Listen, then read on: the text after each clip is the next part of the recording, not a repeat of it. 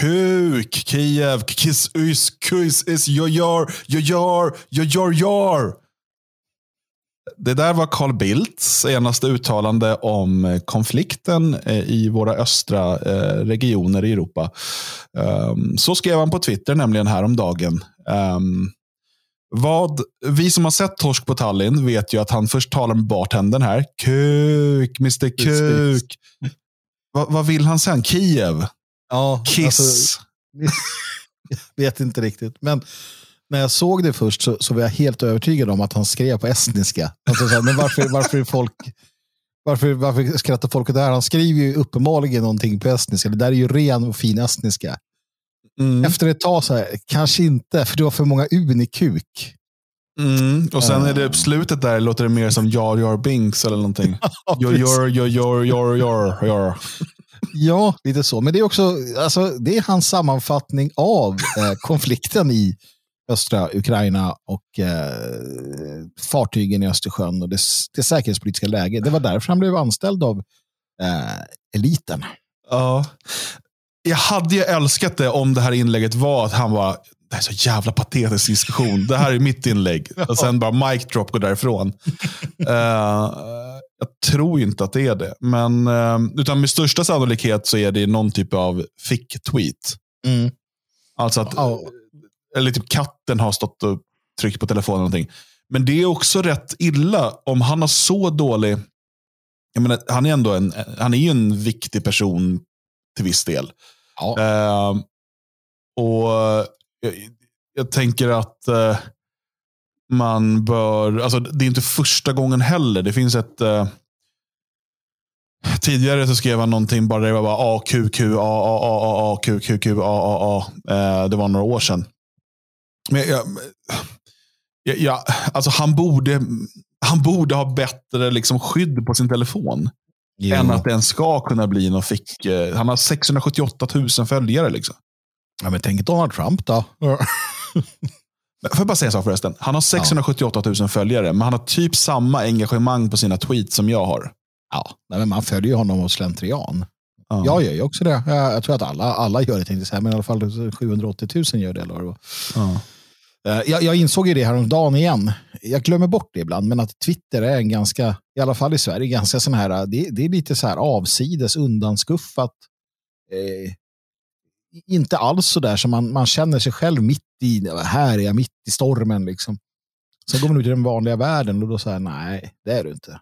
Alltså, Twitter är ju uh, ett ställe man är på för att härja med uh, journalister och politiker. Alltså, man är lite inne i deras fikarum. Ja. Men det är ju egentligen, alltså om så här, ditt, ditt mål är att nå massorna, så att säga. Mm. Mm. Så, så är det ju jättedåligt. Då är nog Facebook bättre.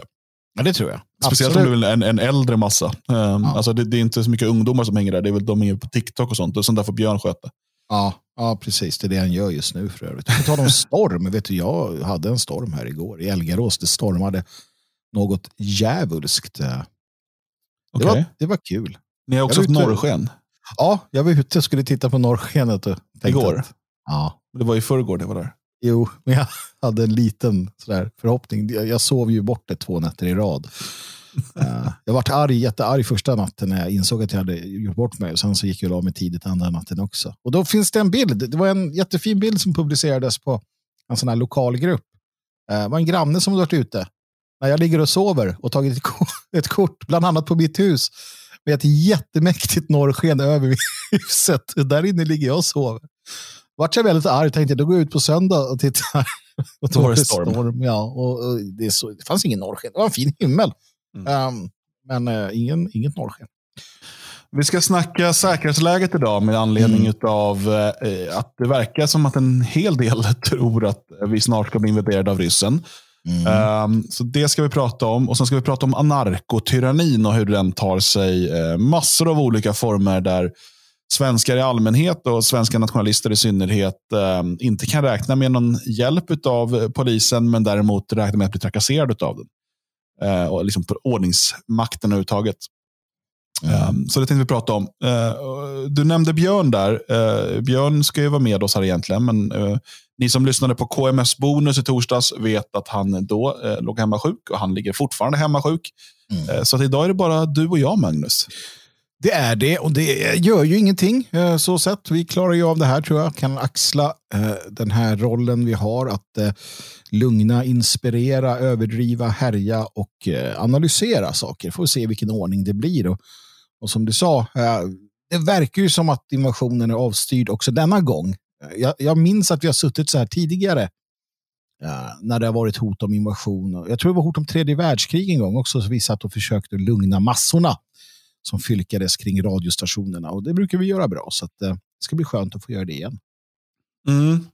Absolut. Uh, vi önskar såklart Björn snabb tillfriskning och hoppas han är tillbaka här till kanske redan ikväll. Uh, men åtminstone kanske till bonusavsnittet på torsdag. Ja, tala för dig själv. Och bonusavsnittet är då för er som är stödprenumeranter. Och det kommer då varje torsdag. Um, och senast nu så pratade vi om den begravda hunden i Kazakstan. Mm.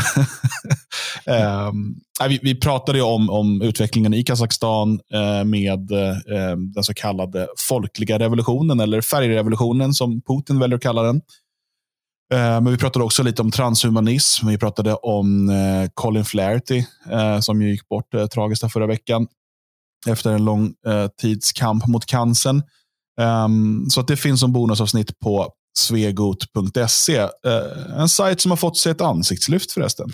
Ja, det är väl fantastiskt fint. Jag gick in på den här om, om eh, Sistens igår, nämligen för jag hade ju skrivit på den. Och då säger du som lyssnar, skrivit på den? Ja, vi kände att vi ville kunna skriva lite här och eh, gjorde en liten uppdatering av eh, layouten och, och, och, liknande. Och nu är det ju väldigt fint när man går in på svegot.se måste jag säga. Så att, eh, det tycker jag att du ska göra, kära lyssnare. Inte bara du se till att berätta för andra om det. Ah. Så, så kan du få mycket till det. Man ser ju att det händer mycket här. Det senaste materialet och poddarna och lite texter. och så. Jag gillar upplägget. Det är bra, bra jobbat Dan. Det är ju du som har uh, gjort den här designen. Uh, tack. Vi är, vi är designers. Keke, Keke Reimo. Du har ju fått uh, aids Dan och ska dö. Hur känns det då? Ja, ja, nu är det mycket 90-talsreferenser här igen. Eh, det blir det så nu när de släpper lös oss. Ja, men det är ju Ryssland, det är 90-tal, det är ju kalla kriget. Allt är tillbaka. Jag menar, då måste vi ju gå tillbaka till, eh, till, till alltså 89-90, kalla kriget, som sagt, invasionshotet. Ja, jag var, ju, jag var ju med på den tiden. Jag var rädd för ryssen redan då. ja, du ska inte tro att ni var först. nej, precis. Uh, men, men, nej, precis. Jag ska bara säga det då på svik.se. Vi, vi har då tagit tillbaka möjligheten för oss själva att publicera texter där. Det hade vi, tog vi bort och vi fokuserade texter till, till projektet Nationalisten. Men eftersom att det, uh, vi, vi, har ju satt det på paus uh, eftersom att det inte fanns tillräckligt stort intresse för tryckta tidningar. Mm. Um, så väljer vi nu att börja skriva på svegot.se igen. Uh, och, um, vi har inga tankar på att bli en nyhetssida, utan vi hoppas kunna publicera en del kommentarer, analyser och krönikor. Um, men allt sånt då på svegot.se. Så att eh, Radio Svegot eh, kommer nu också ha texter på sin hemsida. Hoppas ni uppskattar det. Um, och Innan vi går in och pratar då om de här ämnena vi ska prata om idag, så vill jag passa på att eh, tacka eh, er som har blivit stödprenumeranter sedan vårt senaste program. Eh, och Det är Jonas, Fredde MT5, Robin E, Mario, Andreas M, Dan J och Fred B. Killar. Vilka killar alltså. Och tjej. Jag sa tjej där också. Mm. Vem var det av dem då? Mario. Ja, Mario ja. Just det, ja. såklart. Ja, missade jag det. Ja. Du, du tjänar inte folk i onödan. Nej, jag säger han om alla tills motsatsen är bevisad.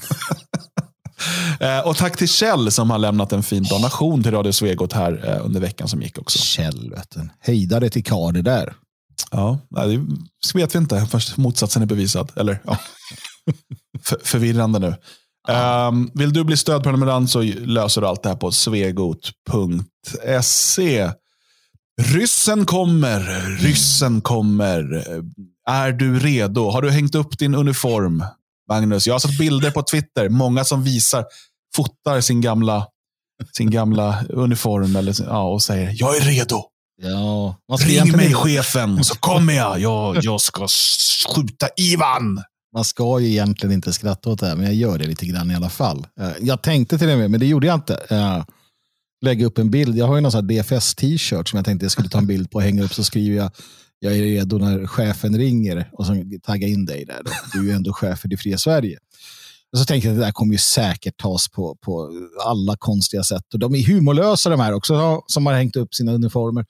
Jag, jag noterade bara det, och det har jag gjort några gånger nu, att det är jättedumt att, att berätta för, i det här fallet då tror man då kanske då rysk underrättelsetjänst, att så här, jag är Eh, jag är beredd, det här är jag, det här är min uniform, jag har den här graden. De bara, ja men bra, spetsnats, då har vi en till kille här som ni ska skjuta i förväg. För det är ju så man man, man är rätt säker på att ett eventuellt ryskt anfall mot Sverige skulle gå till. Det inleds alltså med att äh, man att spetsnazförband som finns placerade i Sverige skjuter av eh, högofficerare, befäl och eh, piloter, andra med viktiga, viktiga positioner inom försvaret. Eh, det är inget problem, alltså, hälften av dem är väl samlade på, på Tipptopp på Sveavägen va? Ja, kan, kan vara så. Kan vara så. Man tar ett gay pride-tåg och så fick man, slog man ut hela militärledningen. Uh, nej, så att då, då tyckte jag att det var lite lustigt att, att man gjorde det. Sen så tyckte jag att det var lite genant. Alltså hela saken är genant för de som är inblandade. För sådana som Ivar Arpi som basunerar ut att nu är det skarpt läge så nu ska man ge fan i att kritisera. Och sen har det tagits upp sådana här en svensk tiger. Jag, jag gillar bättre den här en svensk håller truten och sen så är det en hand som håller en trut. Det tycker jag är roligt. Men i alla fall, va, för att um, det, det, det, det, det handlar om är ju, ja Dan, vad handlar det om? Jag har pratat nog kände jag nu. Men det finns ju flera ingångar på det här egentligen. För att eh, vi har ju då den här eh, ja, propagandan som nu kommer ifrån från väst. Då. Eh, och då menar jag inte så propaganda mot Ryssland, utan propaganda mot sin egen befolkning. Mm. Eh, alltså att, att uh, man ska vara rädd och nu kommer ryssen. Alltså det är undermedvetet det. Uh, mm. Och de, det som händer vid Ukrainas östra gräns just nu och så där och att det på något sätt skulle hota oss också. Och så så det, det är ju liksom den ena biten. Den andra biten är ju, och det här kan nog tarva en förklaring. Varför sitter vi som nationalister och liksom lite skrattar åt de människor som säger sig vara beredda att försvara Sverige. Mm. Eh, borde vi inte ställa oss upp och göra honör mm. och säga härligt, ni är hjältar. Eh, vilket jag ser många skriva på, på Twitter. Jag, alltså, till exempel Ivar Arpi mm. eh, är ju liksom ute, men nu sluter man leden. Eh, nu, nu ska vi försvara vår nation. Förlåt, alltså, jag börjar skratta redan nu. ja. Um, jag svarade ju Arpi. Han skriver, uh, han skriver också så här, alla ni som raljerar över svensk försvarsvilja kan emigrera. Way ahead of you, Ivar.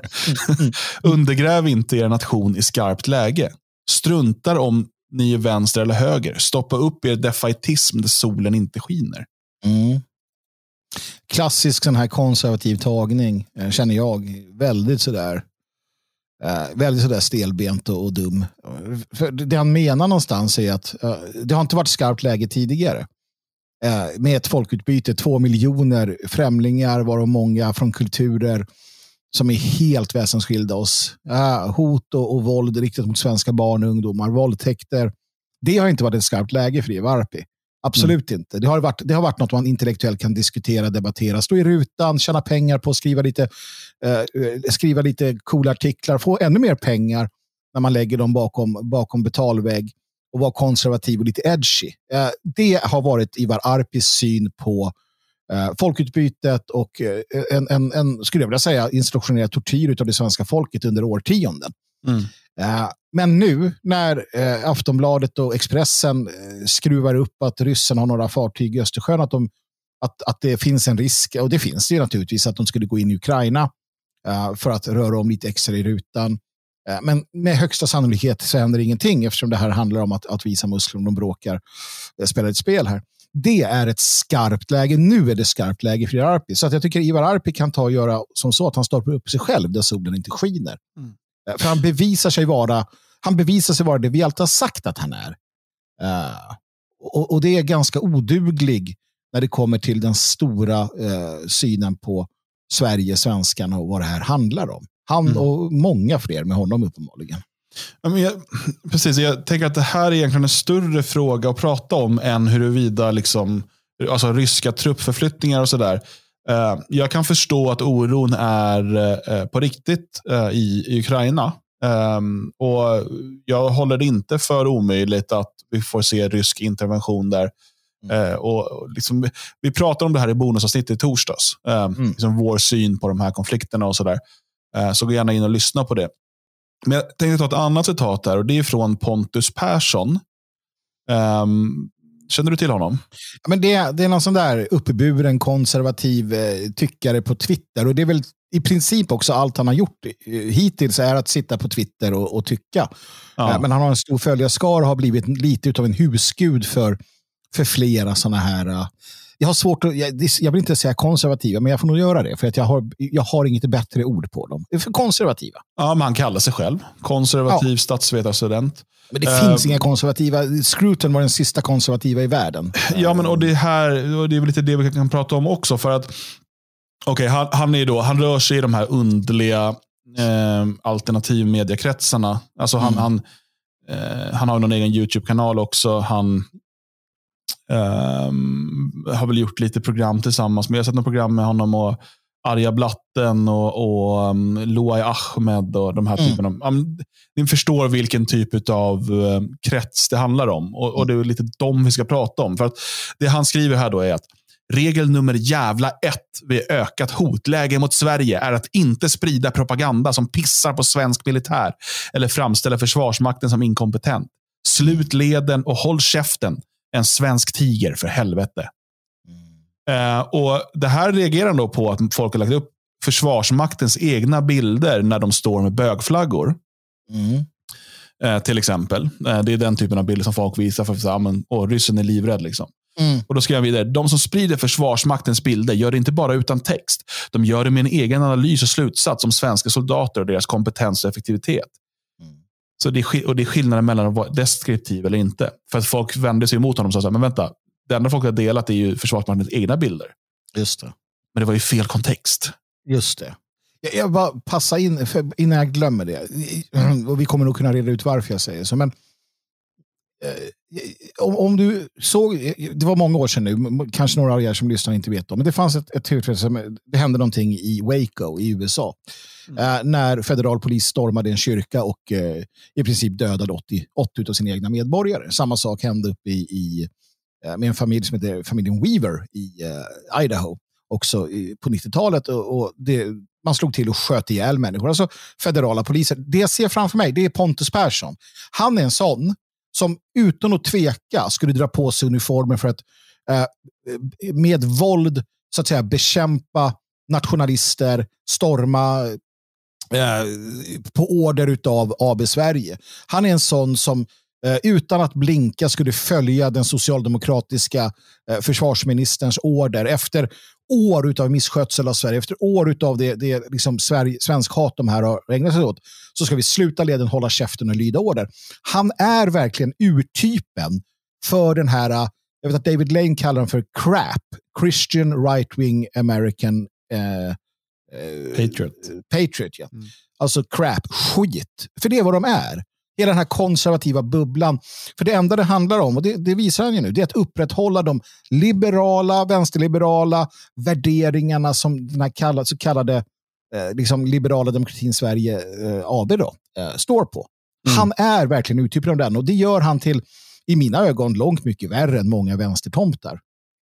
Precis. Och återigen, jag tycker att det här är det intressanta. Det är det här vi behöver prata om, inte de ryska eh, truppförflyttningarna. Ehm, för, eh, och, och problemet med konservativa, det här har ju för här måste man då skilja lite grann. Du, du nämnde Scruton. Vi kan då Mm. ha eh, konservativa filosofer som kan bidra eh, med liksom intressanta tankegånnger och liksom vara med och, och fungera som möjligheter för att liksom fläska ut eh, ideolo ideologi, ideologiska ställningstaganden och ens världsbild och så vidare. Med eh, dessa konservativa aktivister Mm. eh, som Pontus Persson, eh, som eh, Ivar Arpi och, och andra. Eh, eller för den delen Loai Ahmed eller Arja Blatten eller vad som helst. För att det Mm. enda de här konservativa aktivisterna är, är efterblivna, eh, alltså, då menar jag i ordets liksom rätt, rätt, rätta bemärkelse, inte att de är handikappade, utan de, är, Mm. de har kommit efter eh, marxister. Alltså de är vänster, alltså efterblivna, vänsterblivna. De är bara Mm. sena på bollen. För att allt de gör är att de, är, de ligger 10-20 år i bästa fall efter eh, kulturmarxisterna. Ja. Eh, konservativa aktivister på 80-talet hade varit motståndare till homoäktenskap till exempel. Oh ja. Oh ja. Idag är de eh, hårdföra försvarare av det. Ja. Ehm, det är också, eh, för, för att de, de förstår inte eh, att, alltså, vikten av metapolitik, vikten av eh, liksom, eh, att flytta Overton-fönstret snarare än Mm. att följa med det.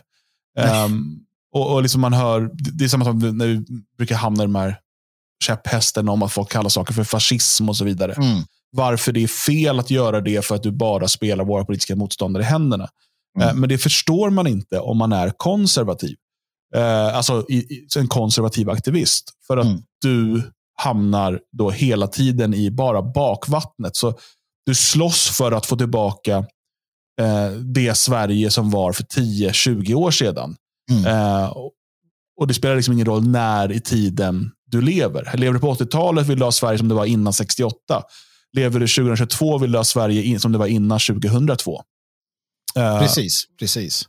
Och, och, för det var då det var, det var Reinfeldt som förstörde Sverige. Ja. Eller, och sådär. Eh, och, och vissa är liksom skarpare än andra. Jag menar, Ivar Arpi har en, han, är, han är bra på att formulera sig och han kan göra observationer som är bättre än många av de här som bara skriker ut saker på Twitter. Mm. Men, men i grunden är det, är det samma problematik. Mm. Eh, och Därför börjar de nu skrika och gorma som Arpi då om att försvara vår nation. Mm. Ehm, och liksom slut leden och håll käften. Va, va, vad, vi- vilken nation är det man pratar om och vilken led är det som ska slutas? Mm. Är, det, är det alltså då att, menar Pontus Persson att, att svenska nationalister ska ställa sig sida, eh, sida vid sida med vad, Morgan Johansson Mm. och eh, liksom ho- homoflaggsviftande generaler och eh, jag vet inte, liksom massinvandringsförespråkande och möjliggörande politiker och andra. Jag- förstår inte va, vilken led är det som slutas. Är det för att vi alla är medborgare i samma stat? Är det det ledet? Du är, Mm. du är medborgare i denna stat, därmed ska leden slutas. Då har du... Jag, jag, eller liksom, när man drar det här liksom, och ifrågasätter vad, vad är det egentligen det handlar om? Och då är det så här, okej, ja, men det är för att försvara vår frihet. Vilken jävla frihet? Vi ska prata narkotyranni snart. Mm. Vilken frihet? Vi har varit under liksom, amerikanskt kulturellt och, och, och alltså kulturellt inflytande här sedan ja, sedan andra världskrigets slut och det har intensifierats. Liksom där, eh, om vi hade hamnat, alltså jag vill inte hamna i en rysk maktsfär, men jag vill inte vara i den liksom, eh, anglo-sionistiska eller liksom den, här, den här amerikanska maktsfären heller. Eh, det är det här som är liksom tredje positionen. Men vad är det vi ska försvara? Vad vore det, eller som man hör så ofta, ah, det var bra att eh, eh, nazisterna förlorade andra världskriget, annars hade vi pratat tyska nu. Varför är det sämre att prata tyska än engelska? Varför vore det Mm. sämre om vi lärde oss ryska än engelska? Eller vad, vad är det för liksom, eller vad är det som skulle vara så farligt? Vad skulle bli så mycket sämre om vi hade hamnat i liksom den ryska maktsfären än den amerikanska? Jag vill inte det, återigen. Jag säger, och jag säger inte att det är bättre. Men att sitta och låtsas som att vi är fria eh, och att nu hotar den här ryssen vår frihet. Vilken, alltså är det, vilken frihet är det som, som man har som, som man är rädd att vi ska förlora? Är det rätten att då göra homopropaganda riktad mot barn? För det är sånt som de brukar vara arga på att Ryssland har förbjudit. Vad är det, vilka, alltså, vad, vilka led ska slutas och vilken frihet ska försvaras? Det man måste komma ihåg är ju att de inte har den utgångspunkten som vi. De ser inte och förstår inte att eh, den svenska staten, alltså så AB Sverige och Sverige AB är, de är ju då företrädare för, alltså man kan se Sverige som ett protektorat, eh, en administrativ enhet i, en, liksom, i den västliga globo homo eh, nya världsordningen, eller vad man nu vill. EU, en del av en överstatlighet. Det är ju vad, det är vad Maggan Andersson och gänget i, grund och botten är. De är en ockupation. Alltså, de, är, de ger uttrycket för en ockupation, inte en militär ockupation, vilket, vilket är synd. Det hade varit lättare. Som man ser nu, det är mycket lättare att fylka människor inför ett, ett, ett, liksom hittepåhot än vad det är att fylka dem kring den, den, det som har pågått under så många år. Så det är, det är problematiskt. Ja, men det här ser ju inte Ivar Arp och Pontus Persson. De, de, betraktar inte, uh, de betraktar inte de skeendena som sker inrikes och, och gentemot och övriga eh, överstatliga projekt som, som ett krig. De ser det inte som ett eh, utan de ser det som någonting som ska diskuteras och debatteras som man har gjort i massa år. Så där, där faller man ju redan där. Då. Men, men sen finns det ju så mycket annat i det här som, som, som liksom, eh, eh bubblar upp och, och, som du säger, liksom rent generellt så, så missar, de ju, eh, missar de ju målet hela tiden. Jag tänker just när det kommer till konservativa, Eh, det hade varit en sak om de var radikalkonservativa, den strömningen som fanns en gång i tiden, som faktiskt var, äh, som, som, som förstod problematiken med konservatismen. Mm. Den radikalkonservativa idén var ju att, att, att saker hade gått så in i helvete fel, att man var tvungen att ta till radikala åtgärder. Det talas om en konservativ revolution. Det är ju sådana som Ernst Jünger och andra. Mm. Uh, som har det i grunden. Men det är ju det som idag kallas för fascism. uh, och det är de ju livrädda för naturligtvis. Men, men, men, man förstår, ju längre tiden går och, snarare, eller ju mer det upprepar sig och vi befinner oss här på 20-talet, desto mer inser jag hur Mosley och, och, och Mussolini och grabbarna hur klartänkta de var, hur klarsynta de var. För att det är så mycket som faktiskt upprepar sig, även om det, det sker på ett annat sätt. Mm. Uh, men det är intressant att säga. Men, men här ser man ju som du säger hur, hur hopplöst efterblivna uh, de här konservativa är. Och det är ju de kan aldrig vinna. De kommer aldrig kunna göra annat än att sitta och gnälla uh, och, och liksom, ja, hålla, alltså det, det, är gnäll, det är vad det är. Liksom. Mm. Och förvilla naturligtvis. Det gör de ju väldigt bra. Ja, absolut. Um, kan bara, han, han, skriver också så här, Pontus Persson. Då. Visst, mångkulturen och dess effekter på Sverige är ett problem. Men det nationalistiska här är att säga, det är fan vårt problem. Ingen, vare sig Ryssland eller USA, har ett skit med det att göra. Vi löser det. Är han så jävla dum att han inte har någon som helst aning om hur den här världen hänger ihop? Ja, han är konservativ. Han tror på allvar att, att läget som är just nu är att vare sig Ryssland eller USA har med det att göra. Mm. Känner han till eh, liksom, USAs politik i Mellanöstern och, och Nordafrika de senaste hundra åren? Ja, Eller åtminstone de senaste 60 åren om vi ska plocka ihop lite mer. Han är väl för Israel, för USAs eh, intervention, alltså angreppspolitik i Mellanöstern. Med allra största sannolikhet. Man ska sluta leden och hålla käften. Och mm. De jävla araberna låter ju inte ens bögar gifta sig. Nej, men här har du ett annat problem uh, med de här människorna. Jag kom att tänka på det nu. Slutledaren försvarar nationen. Och du ställer frågan vilken nation? Ivar Arpe, Pontus Persson. Ni, ni, ni, tror ju inte på, eller ni ser inte det etniska. För er är ju, för mig är det lätt. Nation, det är, i, det, det är vita människor. Min nation är vita svenskar i första ledet. I andra ledet så är det vita människor i Europa, den, vår kultursfär. I tredje ledet så är det min ras på en världsvid skala. Ryssar, eh, vita amerikanare, eh, människor i, i, i Ukraina, vita människor i, Italien, USA, Sydamerika. Det är en nation. Inte de här hittepågränserna, hittepå-gränserna, nationalstaterna som har tjänat ut sin roll som var onaturliga från första början. Ja, jag säger det. Ja, de var det. Äh, det betyder inte att jag inte kan ha en, en, kärlek för Sverige som det har sett ut och som det växte fram äh, och som det karvades ut. Men, men det har också sin tid. Vi kan liksom inte uh, vi kan inte gå in i framtiden och dra benen efter oss heller. Vi måste någonstans se eh, se vart det, det bar, bar, barkar här. Och här har vi tydligt, och konservativa ser eh, Sveriges nation som den här uh, juridiska statsbildningen som baseras på medborgarskap. Uh, det baseras på liberal demokrati uh, och, och, och, motstånd sker inom, inom boxen. Massinvandring är ett problem som vi ska debattera och diskutera. När det egentligen är ett krig som förs mot svenskar där lösningen skulle vara en helt annan. Eh, om sådana som Pontus Persson och andra tordes göra det. Men då vill de hellre eh, vara lite balla inför ett, ett, ett hot som inte finns och som inte kommer ske, det vill säga en rysk invasion. Eh, Så att, eh, nej, jag vill inte... Och, och, det här kommer från en person som inte eh, ens får åka in i Ryssland på grund av antirysk eh, verksamhet. Liksom. Eh, så att mitt, mitt ord väger mer än deras i den här frågan. Eh, det tycker i alla fall eh, Vladimir Putin. ja. Nej, och, och om man då kanske lyssnar på det här fortfarande tycker det är svårt att förstå. Fan, det är ju Sverige. Sverige. ni, ni, ni ja. måste ju vara för Sverige.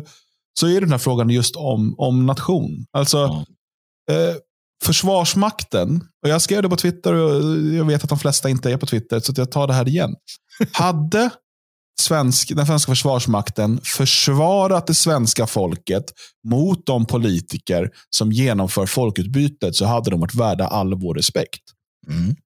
Alltså, eh, då hade jag kunnat sluta upp bakom dem, för då hade de varit eh, folkets försvarsmakt. Idag är de politikernas försvarsmakt. De är det mångkulturella, antisvenska, antivita, familjefientliga politiska projektets försvarsmakt. Jag, eh, det är inte, de finns inte för att försvara min nation.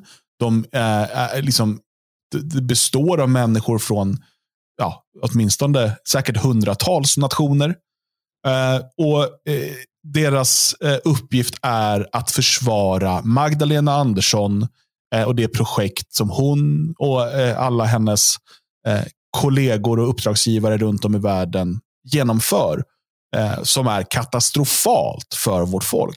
Det betyder mm. inte att enskilda soldater inte kan vara superbra människor. Säkert till och med många goda nationalister. Ja, vi känner ju flera. Ja, absolut. Och det här, är man smart nog, och det är de flesta av våra lyssnare, så förstår man att man kan göra åtskillnad på de här sakerna.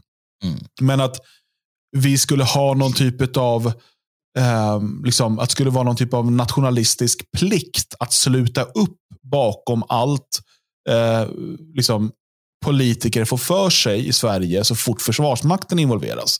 För det blir liksom, om, om, eh, om man bestämmer då att ja, men, eh, vi har ett hot, ett, för, så som man pratar i USA om nationalister till exempel. Det mm. största inrikeshotet. Mm. Om, om Magdalena beordrar militären att börja gripa nationalister för de är ett hot mot Sverige. Vilket mm. kan hända. Alltså man ska inte, det, här är, det är så man resonerar kring, eh, kring nationalister i till exempel USA. Du har, eh, I Tyskland nu börjar man prata om de som demonstrerar mot eh, tvångsvaccinering som statsfiender. Mm. Det är steget innan man, man använder militären för att gripa dem. Eller polisen mm. om, det, om det räcker. Då ska vi av nationalistisk plikt sluta upp. Håll käften, slut leden. Det är ett hot mot Sverige. Mm alltså, det är absolut ingen skillnad mot att det nu är eh, liksom ryssen som man har hotat med i, i ja, sen kalla kriget och framåt. Eller ännu längre. Men, eh, alltså, det, det, det, är, det, den är så grundlig och dålig, eh, den analys som de här konservativa gör, att det bara blir patetiskt. Mm. Ja, nej, men så är det. Um, och det, det, är väl egentligen inte mer med det, men som sagt, när man inte har koll på de grundläggande eh, idéerna, när man inte har koll på det grundläggande, det vill säga vad är en nation? Uh, när man inte förstår det och när man inte förstår de här grundläggande egentligen då, eh, så politiska analyserna, vad är, uh, vad, vad, är Eh, socialism, liberalism, konservatism idag och sen så då eh, jämförelsevis med den, en, en tredje position som är den och i, I tredje positionen så, så sorteras ju alla de här eh, som folk slänger sig med, nazism och fascism och eh, peronism och, och, vad du vill. Va? Det, det, det, det, finns liksom hela, hela raddan för den som nu tycker det är kul att sortera. Men förstår man inte de här sakerna, och det, det, det är liksom som jag, jag, skriver här, det här är ju ett, ett klassiskt som vi har pratat om länge, ett klassiskt tredjepositionistiskt egentligen tales, tal, alltså tan tankesätt.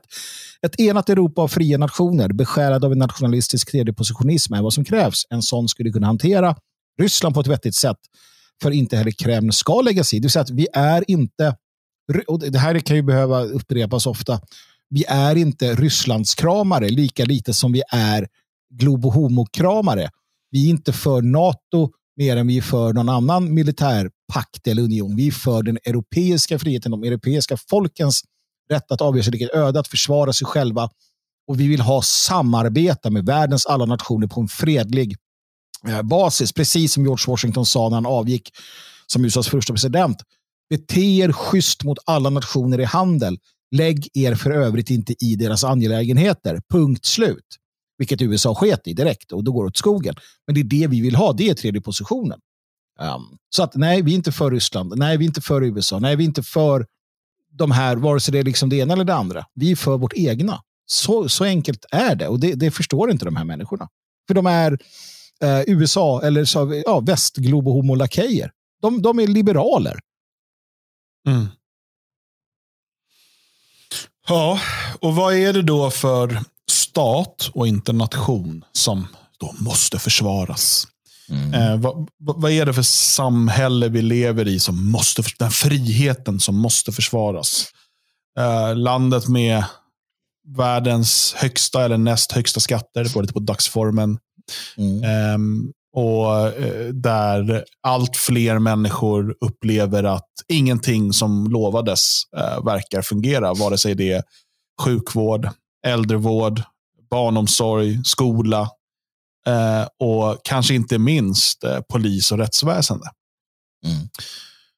Vi fick eh, berättat för oss av en, en väldigt pålitlig person eh, som, och vi sätter stor, eh, alltså, det här är en historia som, som vi vågar tro är, är sann, för att vi litar på personen som berättar den. Jag vet inte om orten ska censureras, så att, eh, låt oss bara konstatera att det här inte sker i storstan. Nej. Eh, det var eh, en man han skulle eh, tanka. Eh, och precis när, det här var på dagtid. Då. Och precis när han ska köra iväg eh, så eh, hoppar två killar in i baksätet. En har mask på sig, den ena den andra har inte det. Den utan mask var neger, men förmodligen var den andra också det. Um, och De säger åt honom att han ska ge dem pengar. Eh, de ska råna honom helt enkelt. De ska åka iväg och eh, prata, som de säger. Eh, men den här personen då som de försöker råna, istället för att göra som de säger, så kör han ut i vägkorsningen. där han får med sig bilnycklar och plånbok och hoppar ur bilen. Och Det här är en person som han har en hel del erfarenhet i livet. Han har varit med om ganska mycket så att han kan ta för sig. Eh, man säger själv att han inte blir eh, så rädd, men han blir jäkligt arg och lyckas till slut få ut båda ur bilen.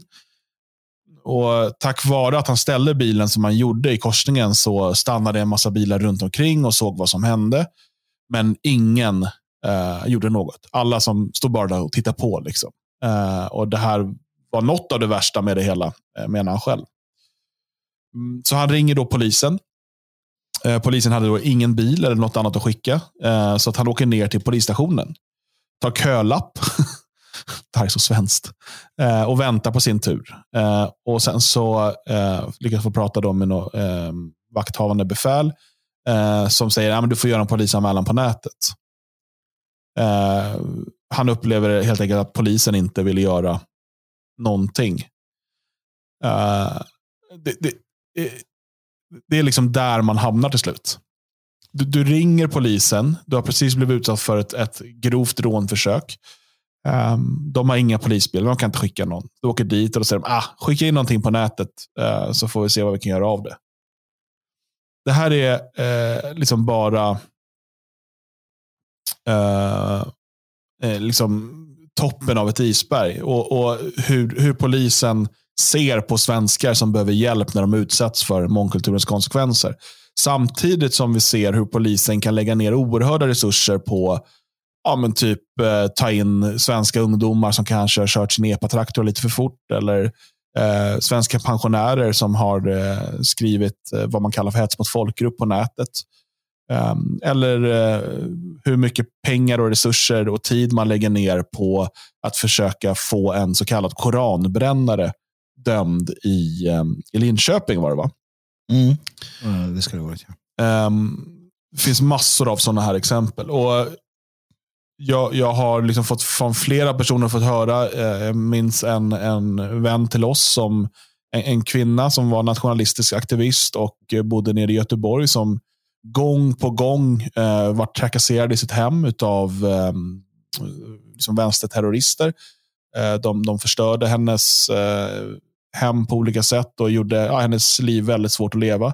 Eh, polisen la ner, liksom, de, de struntade i det där gång på gång eh, och fick aldrig, aldrig någon hjälp. Samtidigt som polisen kunde i, i samma region lägga resurser på att åka hem och terrorisera nationalister för, för saker de ska ha skrivit på nätet eller för att de har deltagit i någon demonstration där de tyckte att slagorden var lite för hårda och sådär.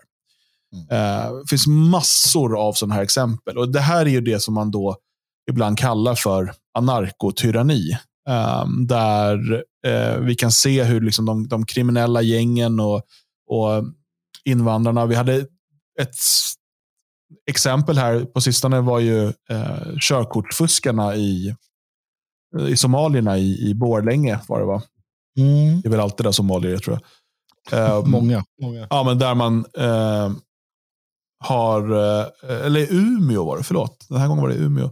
De har då eh, ja, myglat på olika sätt och skapat falska identiteter och skaffat massa körkort och kört taxi utan taxilegitimation och så vidare. Och de har på kramat ut en massa pengar ur staten på olika sätt. Eh, vilket Transportstyrelsen ja, de bara struntar i. Samnytt har skrivit mycket om det här. Mm.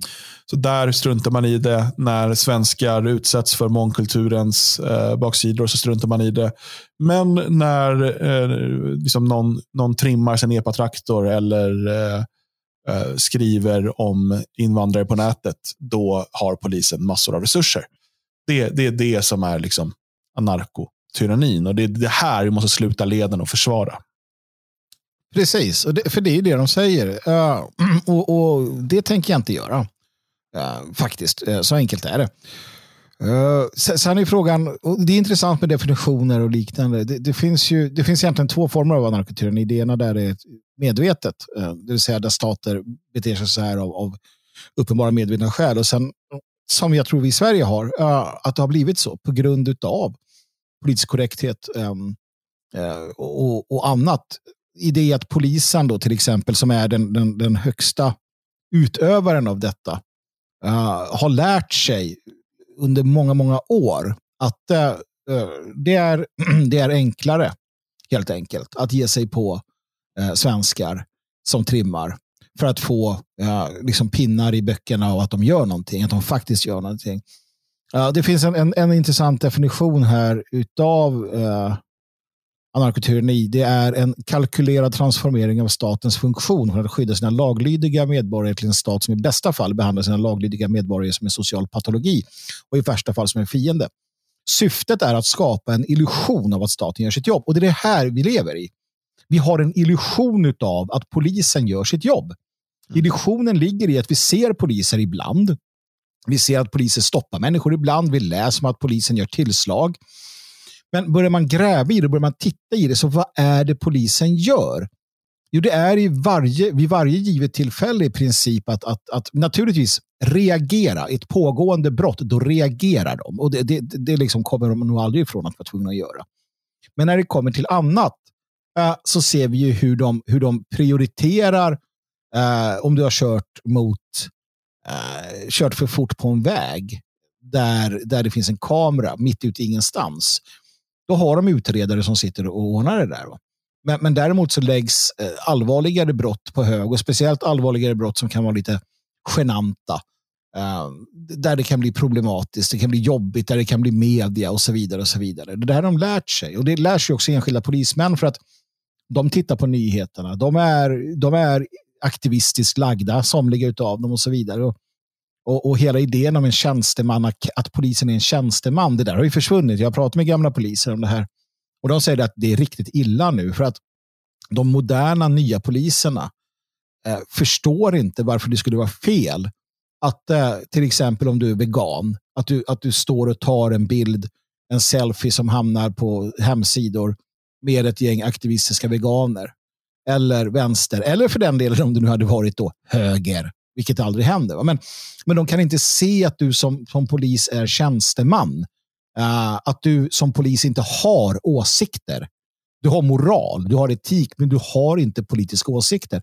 Det är enda sättet att ha en polis som, som är värd namnet.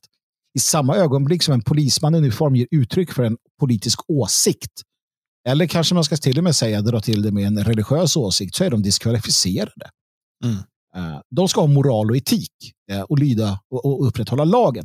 Och det gör de inte. För att tillhör du en viss eh, minoritet som är skyddad, ja då kommer du ha fördel även när du spottar polisen i ansiktet. Och det är det som är liksom, det, det perversa i detta också.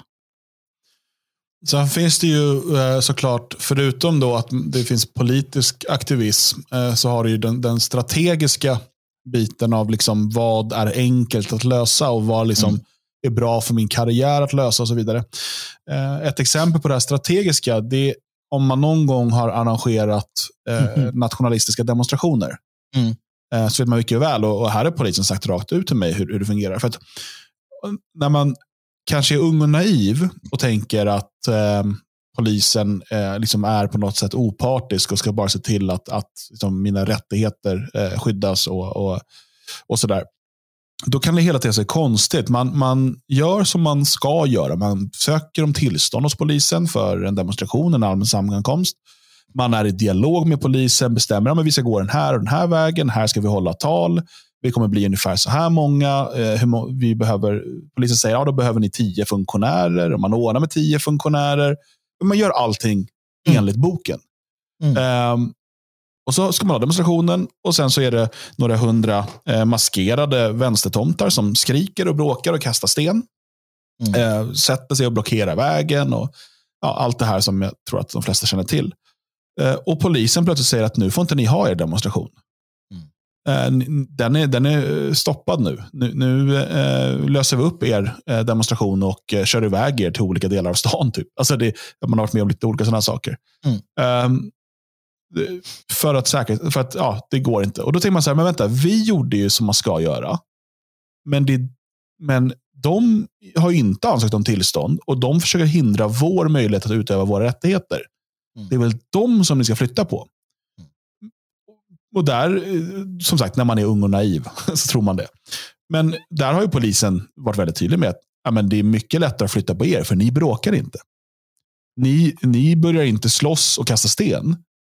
Så att vi kan välja då att antingen ta hit massa mer resurser och eh, liksom leka katt och råtta med det här vänsterpacket i flera timmar. Eh, och och liksom riskera upplopp och, och skador på personalen.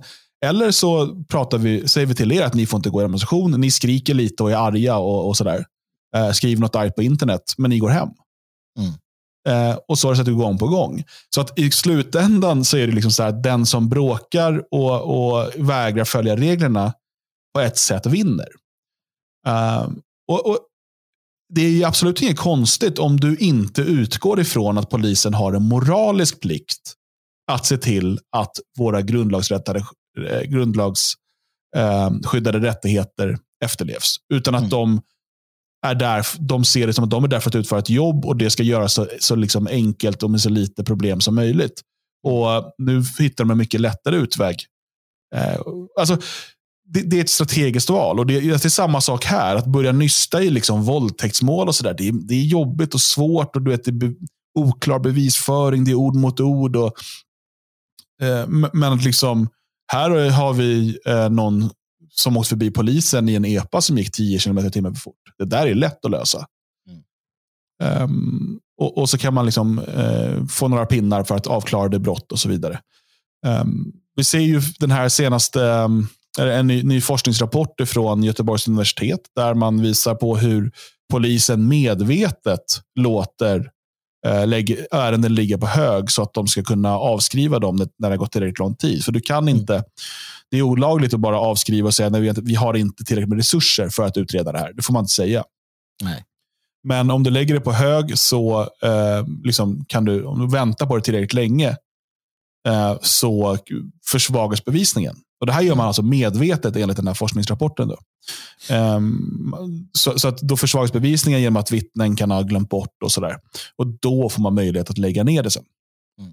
Nej, men någonting som är jättesorgligt i, i det här sammanhanget är att det börjar ju inte så här. Ja, inte ens i Colombia eller Mexiko eller inte vet jag, någon liten, någon liten så här Tintinland i, i öst. Det började ju inte med att poliserna var eh, korrumperade som de är idag. Det började inte med att de, att de i princip öppet jobbar åt den, den starkaste knark eller annan boss i området och så. Utan, utan det började med en idé och en vilja om att, att göra rätt. Det, det är jag helt säker på. Själva idén är inte dum. Liksom. Vi har haft andra system på kommentators i USA med, med valda sheriffer som kan fylka befolkningen och sådär. Men, men det som händer, och det är ju här vi lever i, i en pågående devalvering av rättsstaten och kulturen. Det är ju det är att eh, polisen någonstans, man fick inte resurserna. Eh, man insåg att, att eh, man inte har orken och kraften. Man ser hur rättsväsendet, övriga delarna, då släpper ut gärningspersoner, gärningsmän, gärningskvinnor.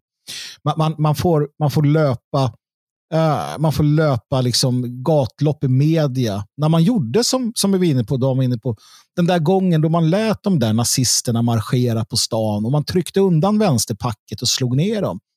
Då fick du skit i, i veckor och månader. Du blev avhumaniserad av en vänstermedia som, som stod upp för, för det sina.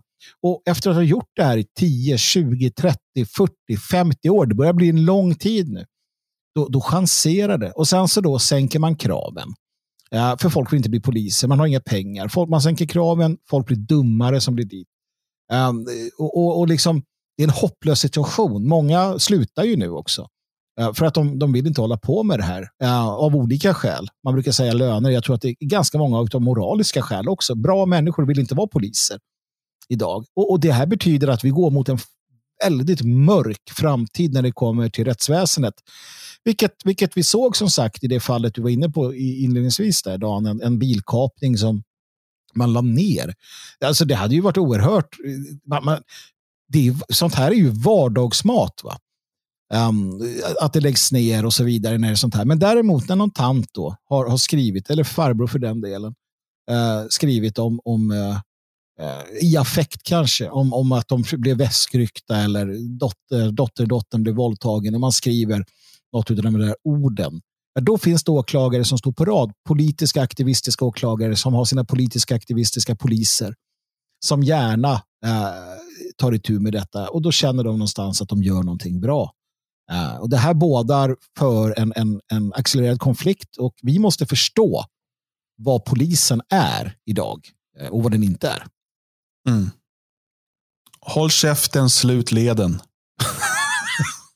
det kan de ju göra om de vill det för detta. Jag, jag gör det inte, nej. Ja. Nej, och jag menar allt det här som, som vi har pratat om idag, det binds ju ihop och hänger ihop med liksom den här mer långsiktiga analysen som, som vi har gjort sedan ganska lång tid tillbaka.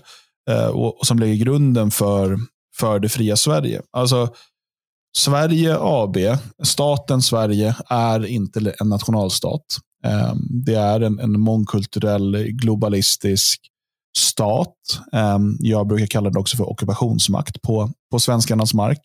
Vi har ingen Um, alltså, vi, vi, har ingen, ingen plikt eller liksom krav på lojalitet mot, uh, mot den här staten.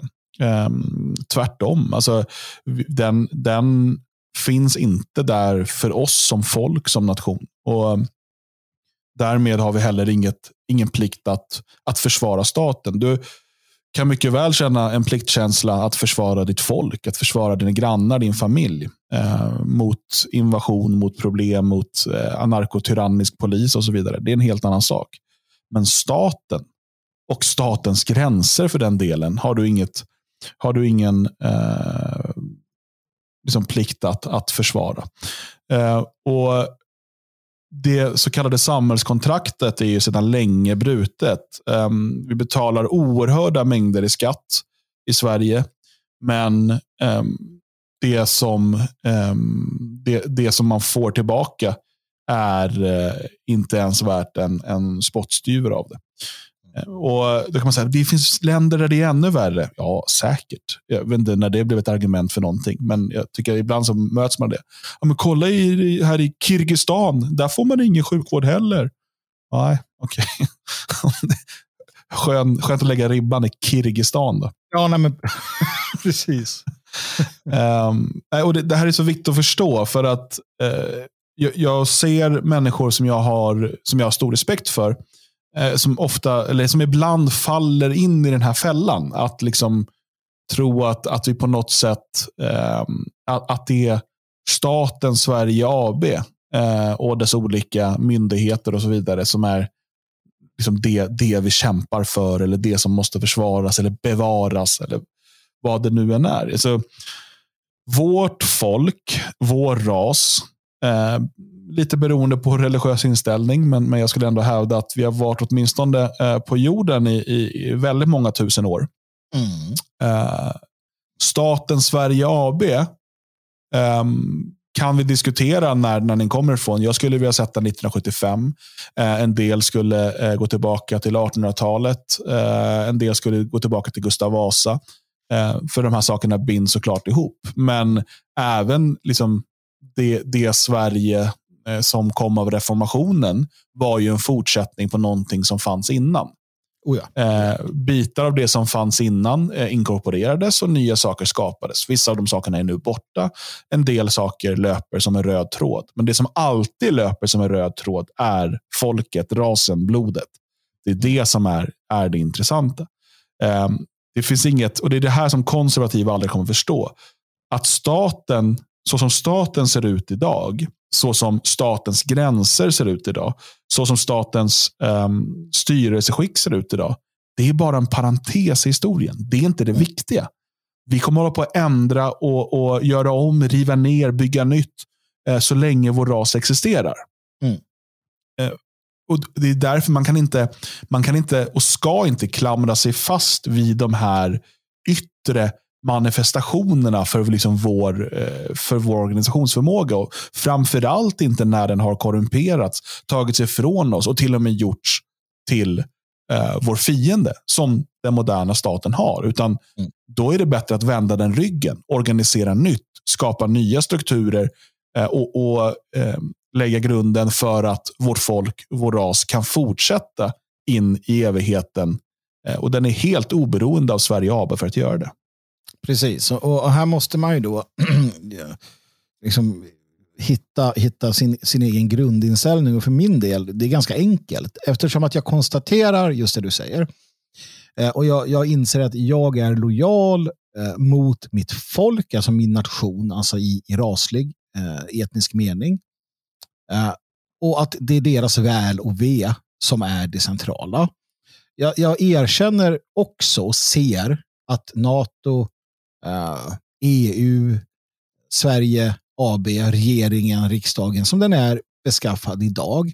Precis som, som eh, Gustav III såg hur, hur hattar och mössor var eh, prostituerade åt främmande makt så inser vi att dagens politiker i allt väsentligt är detsamma eh, på ett eller annat sätt samt att de har implementerat en, en värdegrund och en, en liksom sån där äh, överideologi som på alla sätt och vis är skadlig och som, som förstör mitt folk.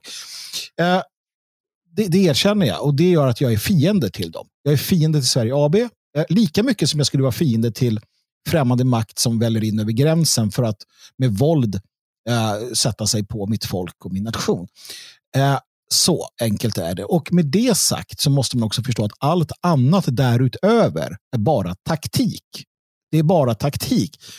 Uh, att, att, att man lyder Sverige AB, följer polisens uppmaning, det är ju bara taktik. Det, det är inte att jag känner överhuvudtaget ingen moralisk plikt gentemot eh, eh Sverige AB och deras olika beväpnade gäng eller andra liksom, eh, sådär, som de har att upprätthålla. Det är bara taktik. Och det, det, är ju samma när det kommer till det här. Eh, Ser jag det som bättre att Sverige AB eh, styr i Sverige än något annat, ja då kommer jag på olika sätt och vis upprätthålla det när det kommer till den breakingpunkten så att säga. Eh, men i, i, vanliga fall så absolut inte och så vidare. Så vidare. Så att det blir bara taktik för att jag är lojal mot Sverige, mot svenskarna, mot det fria Sverige, mot den europeiska rasen eller vad du nu vill. Inte mot Sverige AB. Inte mot Ryssland, inte mot Tjetjikistan eller annat. Så att, eh, där är jag och, och då får väl folk tycka vad de vill. Jag har sett att dylikt kallas för landsförräderi av vissa av de här som har hängt ut sina uniformer. Fine. Uh, jag bekymrar mig inte om epitet från, från människor som är så pass eh, grundlurade eh, och som, om, som är beredda att liksom eh, offra sina liv för, för Globo Homo. Det, det, det köper jag liksom inte. Mm. Nej, um, och det här skiljer ju såklart vår analys från de, de konservativa och från um, de som kanske skulle kunna kalla sig patrioter eller så. Mm. Um, och Det här är, det är en avgörande skillnad och jag tror att det är en, det är en grundläggande skillnad du måste förstå uh, för att förstå vad det fria Sverige är och uh, vart det fria Sverige är på väg. Mm. Det, det, är, det är något vi kommer att återkomma till och eh, jag hoppas att det här avsnittet har gett dig kanske till och med större förståelse för detta.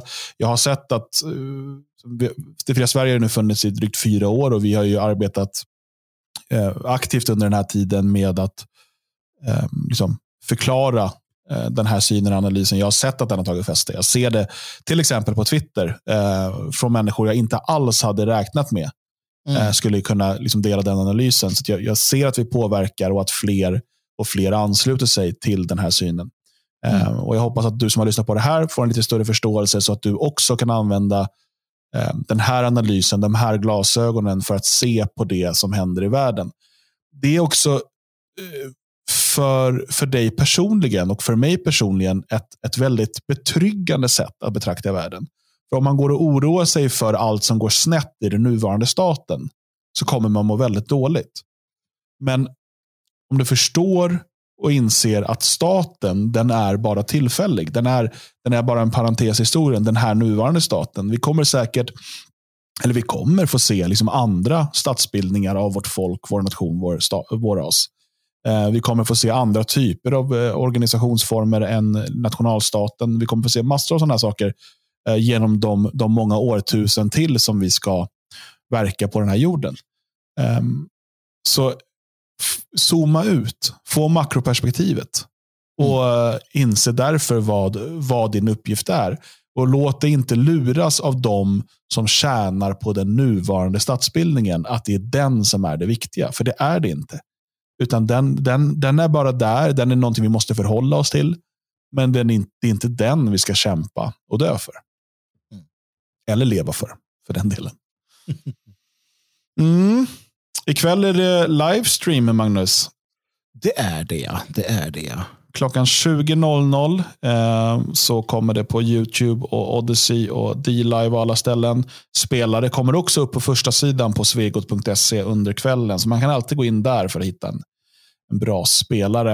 Eh, vi får se vad det kommer handla om ikväll. Jag har en del lite roliga saker. Vi försöker mm. ta det lite mindre allvarligt på livestreamen. Vi tycker om att hänga med er lyssnare i chatten, eh, svara på frågor, liksom ta lite inspel därifrån. Och, eh, ibland sitter vi bara och tittar på knäppa klipp och skrattar. Ja, eh, det behövs. Precis.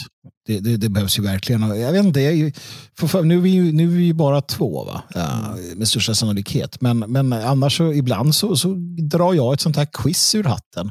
Mm. Uh, där, där jag liksom, ja, chikanerar dig och Björn och ser vem som är bäst eller sämst. och så där. Det brukar oftast bli ganska bra det också.